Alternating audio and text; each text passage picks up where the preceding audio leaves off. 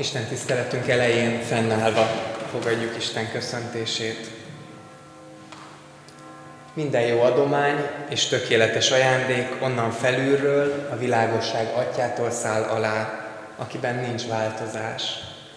Kegyelem és békesség legyen nektek Istentől, ami atyánktól, és az Úr Jézus Krisztustól. Amen.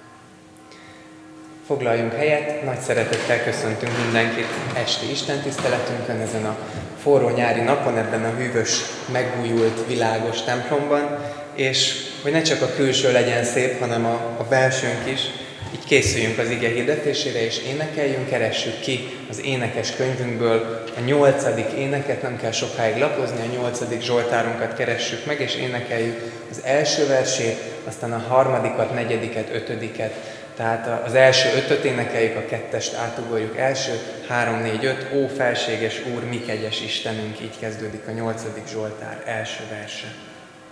thank you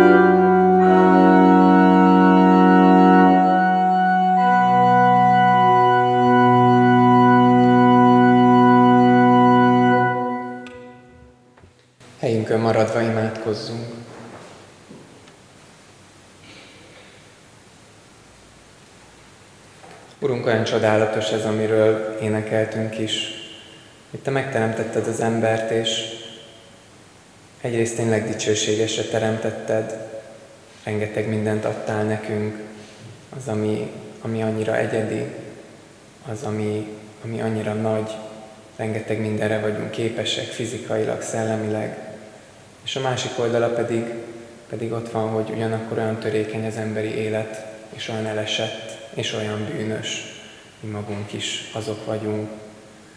És Te mégis itt vagy velünk, Te mégis lehajoltál hozzánk, Te mégis szólsz hozzánk, hadd álljunk most meg ennek a csodálkozásában, ennek az alázatában, hogy igen, nagyját tettél, igen, bűnösök vagyunk, igen, Te mégis beszélni akarsz velünk. Kérünk, hogy így szólíts meg most is az igén, azon a történeten keresztül, ami Te szádból jön.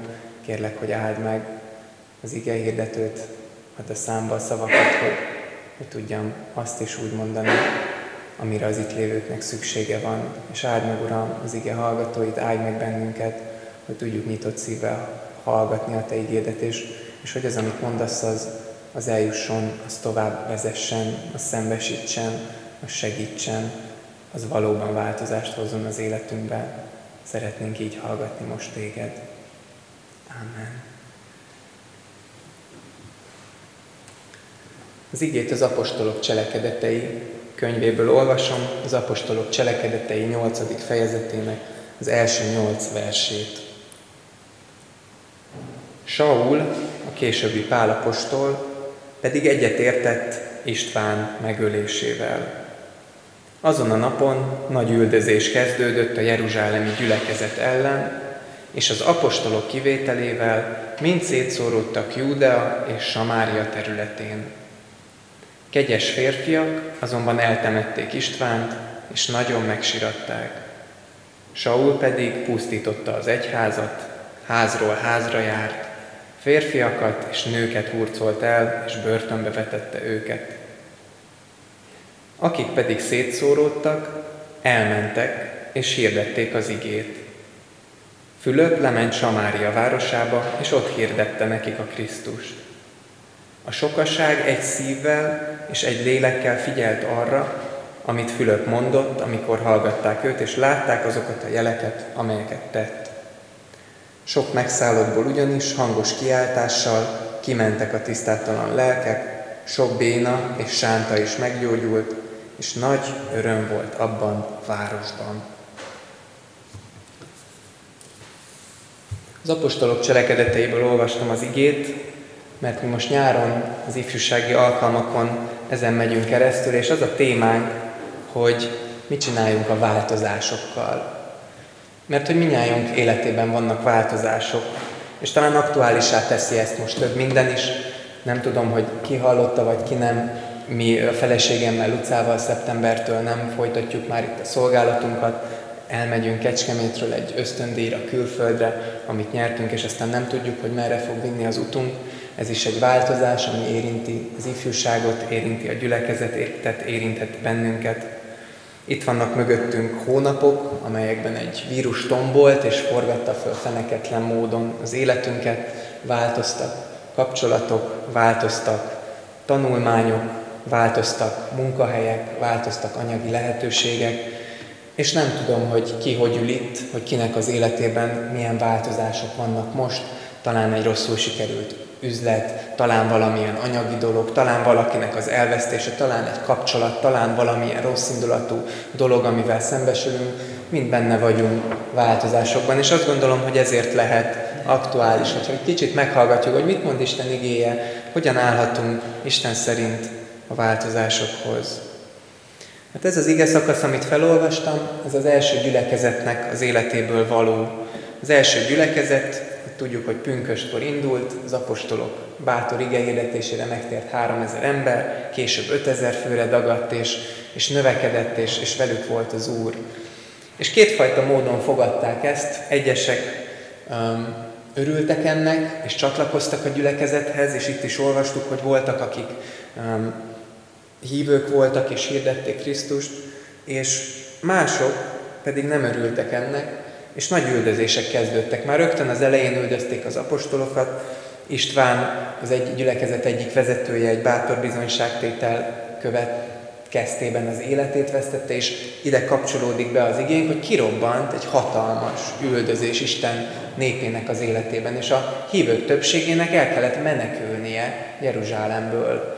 Egy változásnak a kellős közepén vagyunk. Ott kell hagyniuk az életterüket, kockáztatják az életüket, megszakadnak kapcsolatok, megszakadnak munkahelyek, anyagi, mindenfajta létbizonytalanságba kerülnek. Itt vannak egy ilyen változásban, még azok is, akik pedig hívők. Mihez kezdjenek ezzel? Mihez kezdjünk azokkal a változásokkal, amik a mi életünkben is vannak? És az igében az a meglepő, számomra döbbenetes, hogy az ige leírja ezeket a változásokat. Pár szóval, röviden, üldözés kezdődött, Saul a pálapostolt is bevezeti, elhurcolt férfiakat, nőket, azért el tudjuk képzelni, talán láttunk már a korról szóló római kivégzési módszereket, gladiátorjátszmákat, vagy tudjuk, hogy, hogy például az elmúlt rendszerben itt is hogyan bántak akár lelkészekkel, hívő emberekkel, el tudjuk képzelni ezt az üldözést. Itt van előttünk a szörnyűsége, a létbizonytalanság, amikor az életünk felől is kétségbe esünk, és az a megdöbbentő ebben az igében, hogy mégsem erről szól az ige java, mégsem ezt részletezi, hanem leírja, hogy igen, időnként Isten beledob minket változásokba, de nem az a kérdés, hogy mik ezek, nem az a célja, hogy ezekben ragadjunk bele, hanem az, hogy arra nézzünk, hogy ő mit cselekszik ezáltal. Leírja, hogy üldözés volt, és utána sok versen keresztül, és az egész nyolcadik fejezet, és az egész apostolok cselekedetei erről szólt, hogy azok, akik szétszórodtak az üldözés következtében, hogyan kezdték el Krisztust hirdetni mindenhol. És ez teljesen Jézus akarata szerint való volt, mert az abcsel elején, az apostolok cselekedetei könyvének az elején Jézus azt mondja, hogy, hogy erőt kaptok majd, ha eljön a Szentlélek, és tanúim lesztek Jeruzsálemben, és Júdeában, és Samáriában, és a föld végső határáig. És itt vagyunk a nyolcadik fejezetnél, eljött a Szentlélek, de még a hívők mindig ott topzódnak Jeruzsálemben. És Isten ezt az üldözést használta fel arra, hogy akkor most induljatok. És sokan sokfelé eljutottak. És Fülöp elment Samáriába, egy olyan helyre, ahova jó szentából nem ment volna zsidó ember, olyan ellentét volt a két ország között, és ott hirdeti Krisztust.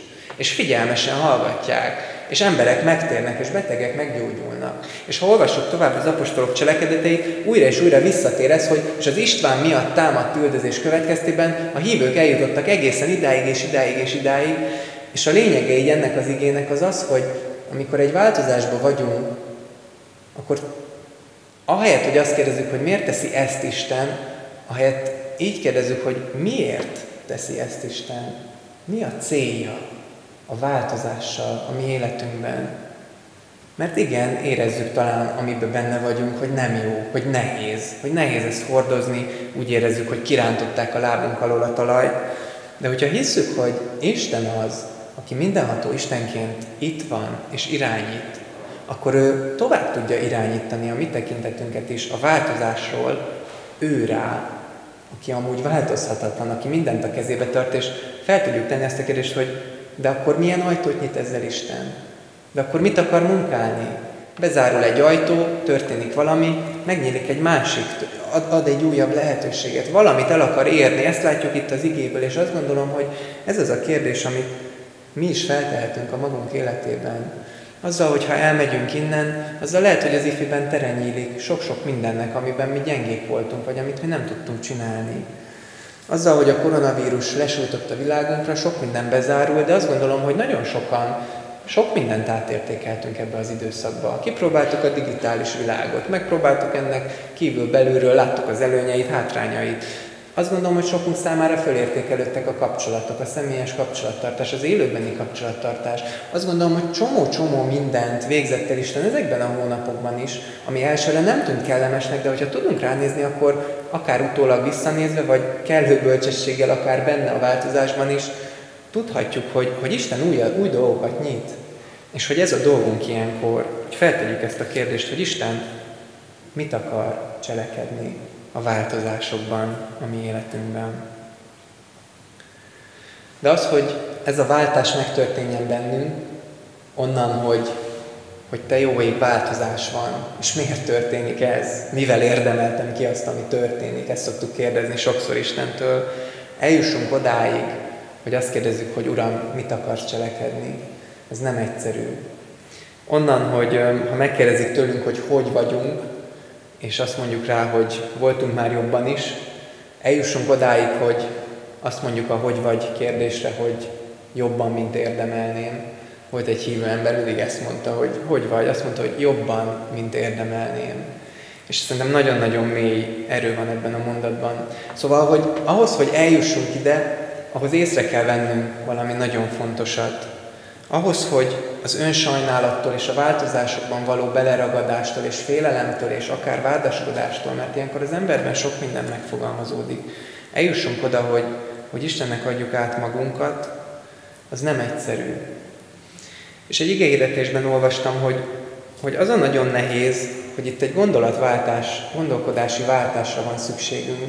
Mert amikor azt kérdezzük, hogy Isten miért teszi velünk ezt, és miért adja ezt a változást, és miért kell ennek megtörténnie, holott mi követjük őt hűben, holott mi mindent megtettünk, mi, miért kell, mivel érdemeltük ki, hogy ő ezt teszi, emögött egy olyan gondolkodás van, mint hogyha azzal, hogy mi teszünk valamit, hogy mi követjük Istent, hülyek vagyunk, azzal mintha valamilyen ilyen erkölcsi tőkét halmoznánk föl Istenre, és ezért számon kérhetjük tőle, hogy Uram, én, én ennyit megtettem, most miért, nem lehet, hogy ne legyen ez az üldözés? Most miért kell elmennünk Jeruzsálembe? Most miért kell ennek történnie? Miért, kell, miért kellett ennek megtörténnie? Emögött a gondolkodásmód mögött sokszor az van bennünk, hogy mi bizony érdemelnénk valami jobbat Istentől. De amikor az ember Jézussal találkozik, és az ő tisztaságát látja, és azt látja, hogy Jézus hogyan megy csendesen, szelíden, ártatlanul a keresztre, és hogyan szenved ott a kereszten, ártatlanul, értünk, akik nem vagyunk ártatlanak ebben a történetben. És látjuk, hogy hogyan imádkozik, értünk. És látjuk, hogy hogyan hagyja előtt az Atya, hogy minket ne hagyjon el. Akkor történik valami nagyon mély változás bennünk. És attól a kérdéstől, hogy Uram, mivel érdemeltem ki ezeket a csapásokat, eljutunk odáig, hogy Uram, hogyan vagy ilyen kegyelmes hozzám, hogy mindezekben a tragédiákban, változásokban, nehézségekben még mindig nem azt kapjuk, amit érdemelnénk. Azt Jézus kapta a kereszten, amit mi érdemelnénk. Mi nem azt kapjuk, amit érdemelnénk, mi valami sokkal-sokkal jobbat és sokkal-sokkal kegyelmesebbet kapunk. Mert Jézus azért jött el, hogy ezt elvegye, amit mi érdemelnénk, és olyat adjon nekünk, ami nem járna az Istennek a szeretetét, az Istennek a jelenlétét, és ezt a bizalmat, ami a változásokban is tekinthet a változhatatlan Istenre, mert tudja Jézus miatt, hogy Isten nem fog elhagyni, Isten nem büntet. Hogyha egyszer mi a bűneinket oda tettük Jézus elé, akkor Isten nem büntet. Jézuson azt megbüntette. És aki odaadja az életét, és eljut onnan, hogy önmagát sajnáltatja, mert ő ártatlan, odáig, hogy, hogy Uram, bűnös vagyok, és köszönöm, hogy meghaltál értem. Ez a változás, ez azt hozza magával, hogy akkor, akkor végtelen bizalmunk lehet Istenben, abban a mennyei atyában, aki mindent a kezében tart, és a Jézusban megmutatta, hogy mit érdemelnénk, de hogy, hogy azt is megmutatta, hogy ezt nem fogjuk megkapni, mert Jézuson leverte a büntetést. És azt gondolom, hogy, hogy ez az, ami a mi gondolkodásunkat is átformálhatja. Igen, a változásokban nehézségek vannak, és jó esetben észreveszünk, hogy igen, odáig kéne eljutnunk, hogy mit cselekszik Isten a változás által. Az út oda az az, hogy a keresztre nézünk, és nem vádaskodunk, és nem magunkat sajnáljuk, és nem ebbe ragadunk bele, hanem azt mondjuk, hogy Uram, Tieid vagyunk, a Te kezedben vagyunk, Jézus kereszte miatt tudjuk, hogy szeretsz minket, és a legjobbat akarod nekünk. Mit akarsz tehát ezzel a változással? Itt vagyok, használj, formálj engem, formálj valamit bennem, használj engem, formálj általam. És most, amikor az úrvacsorára nézünk, akkor ennek a csodáját láthatjuk, hogyha változások is vannak, van valami, ami nem változik. A kereszt az 2000 éve áll, és az úrvacsora az itt van, időről időre. Lehet jönni, letenni terheket, bűnöket, lehet jönni Jézust nézni ebben a titokzatos közösségben, vele találkozni, imádkozni, és úgy venni ezt a kenyeret és ezt a bort, hogy, hogy Jézus Krisztus dicsőítjük közbe. És igen, lehet vele beszélgetni az úrvacsora alatt is erről, hogy Uram, te látod, hogy mi az a nehézség, amiben benne vagyok. Te látod, hogy mik azok a bűnök, hibák, amiket én elkövettem. De tudom, mert ha keresztre nézek és az úrvacsorára nézek, hogy te az asztalodhoz hívsz és velem vagy, mit akarsz hát cselekedni ezáltal? Legyen most ez a kérdésünk a bűnbánatunkban, az örömünkben, ahogy, ahogy együtt jövünk most az úrvacsorában. Isten elé. Ámen. Az úrvacsorára készülve a 459. énekünk első versét énekeljük. 459. énekünk első versét.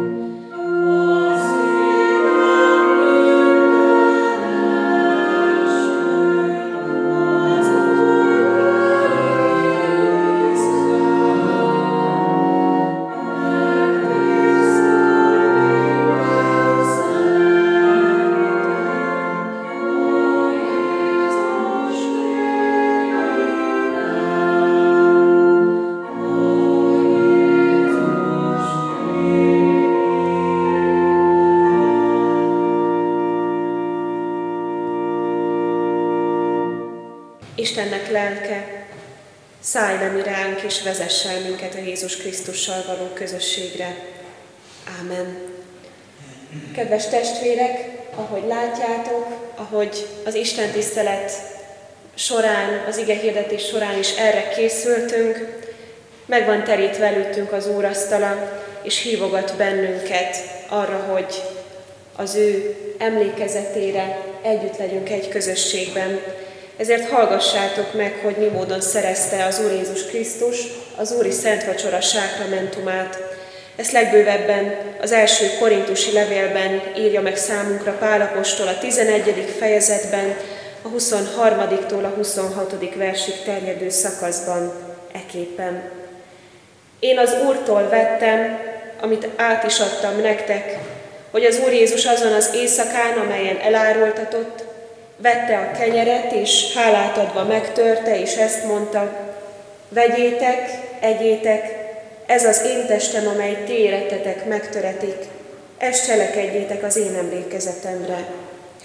Hasonlóképpen vette a poharat is, miután vacsoráltak, és ezt mondta, E pohára az új szövetség az én vérem által, ezt cselekedjétek, valamennyiszer isszátok az én emlékezetemre. Mert valamennyi szereszitek-e kenyeret és isszátok-e poharat, az Úrnak halálát hirdessétek, amíg eljön. Testvéreim, hallottuk az igét, és itt vannak a szemünk előtt a látható jegyek. Az Úrnak érettünk való halálát hirdetik, és annak jó téteményét kínálja nekünk, hogy felkészítsen bennünket az ő visszajövetelére.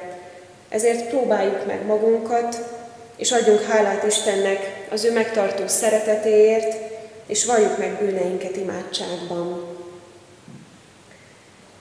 Mindenható Atyánk, drága Istenünk, köszönjük neked, hogy az életünk minden időszakában, amikor sok magasságot és mélységet megélünk, Te velünk vagy.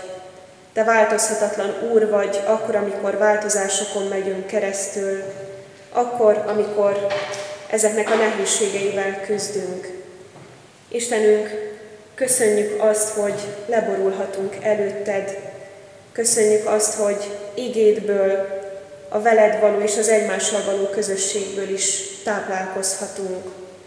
Arra kérünk, Urunk, segíts bennünket most elcsendesedni, segíts bennünket, hogy szívünknek a rejtett mélységeit a sötét zugait fel tudjuk tárni előtted. Így bocsáss meg nekünk, Urunk, minden ellened való és egymás iránt való vétkünkért.